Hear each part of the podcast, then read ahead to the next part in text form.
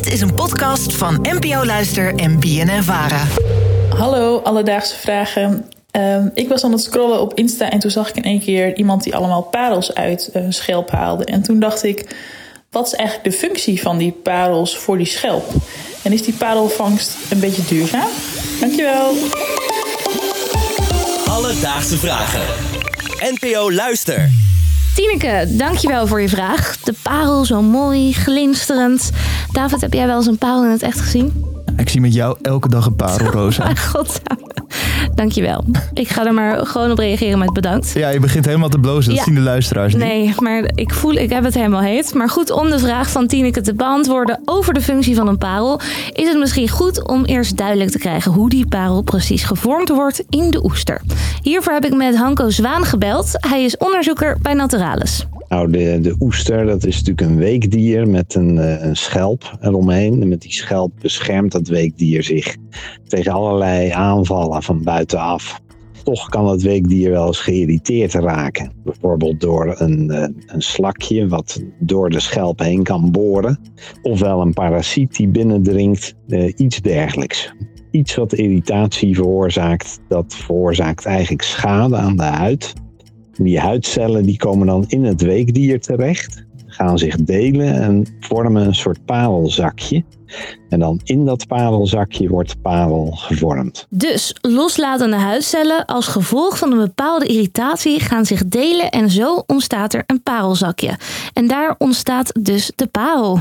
Ja, voor mij is het wel in 20 seconden de hele magie van een parel weg. Na dit verhaal eerlijk Ja, gezegd. oké, dat is echt best wel vies klinken Ja, eigenlijk. dat vind ik ook. Ja, wat ik me wel afvraag nu is, waarom komt er dan zo'n parel in een oester? Waarom maakt een oester überhaupt zo'n parel aan?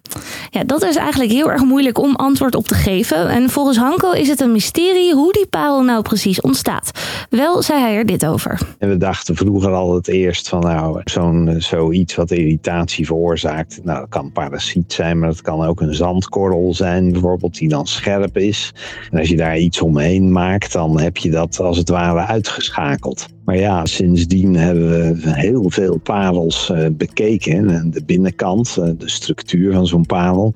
En dan zie je eigenlijk nooit zo'n zandkorrel zitten. Ja, dat eh, klinkt inderdaad wel echt als een groot mysterie. Ik moet wel zeggen, ik ben de oester na dit verhaal wel nog interessanter en intrigerender gaan vinden. Zeker, nog veel interessanter zelfs. Hanko gaf nog wel als voorbeeld dat wij als mens soms ook opeens een bultje kunnen hebben in het lichaam. Wat dan uit het niets is ontstaan en waar we eigenlijk geen idee hebben van wat het nou is. Om waarom het ontstaat. Dat heb ik ook wel eens. Je hebt gewoon een pukkeltje of een, een puistje, een bultje op je lichaam. En zo kan je dat eigenlijk bij de parel, kun je dat ook zo zien. Oké.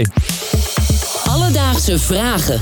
Ja, wat ik eh, me nog wel afvroeg, Roos. Ja, ik ben zelf eh, vegetariër, dus ik eet geen vlees, ook Heel geen goed. vis. Ja. En ik was dus wel benieuwd, is zo'n het vangen van een oester en dus een parel, is dat wel duurzaam eigenlijk? Nou, het duiken naar parels, dat doen we eigenlijk al super lang.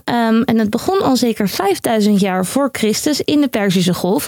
Het was destijds een pittig klusje, want je moest 10 à 15 meter diep duiken zonder materiaal. En vervolgens ook nog eens de oesters los weten te krijgen, allemaal onder water, heel diep. En dan had je 1 op de 100 kans eh, dat er in een van die oesters een parel zou bevinden.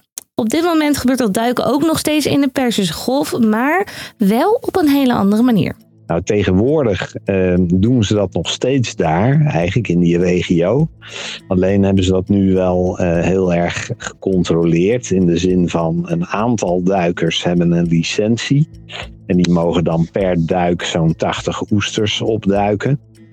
En eh, op die manier wordt het op zo'n manier beperkt, de parelvisserij. Dat je eigenlijk ziet dat, de, dat er steeds voldoende oesters zijn. Dus eh, ja, dat, dat kun je wel een duurzame operatie noemen. Nou, dat klinkt eh, best wel goed geregeld. Toch nog wel, eh, ja, best wel duurzaam eigenlijk. Zeker, voor die oesters is het goed. Ik ben wel bang dat er nog heel veel oesters eindigen op een terras in de pijp in Amsterdam. Dat eh, kan ik beamen.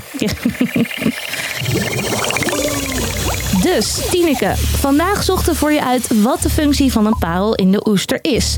Wanneer een bepaalde irritatie de oester binnendringt, komen er huidcellen los die een parelzakje vormen. In dat zakje ontstaat uiteindelijk de parel. En hoe dat allemaal precies gaat, is eigenlijk nog een groot mysterie. Maar uiteindelijk draait het erom dat de irritatie wordt uitgeschakeld. Het duiken naar oesters gaat tegenwoordig op een duurzame manier. Er zijn maar een paar duikers met een licentie en die hebben een maximum aan oesters die ze mogen opduiken, zodat er altijd genoeg oesters overblijven. Ja, heb jij zelf ook een vraag? Stuur ons dan een berichtje op onze Instagram, Alledaagse Vragen. Je kunt ons natuurlijk ook mailen op alledaagsevragen.bnnvara.nl en dan zoeken wij het voor je uit. Alledaagse Vragen. NPO Luister. BNN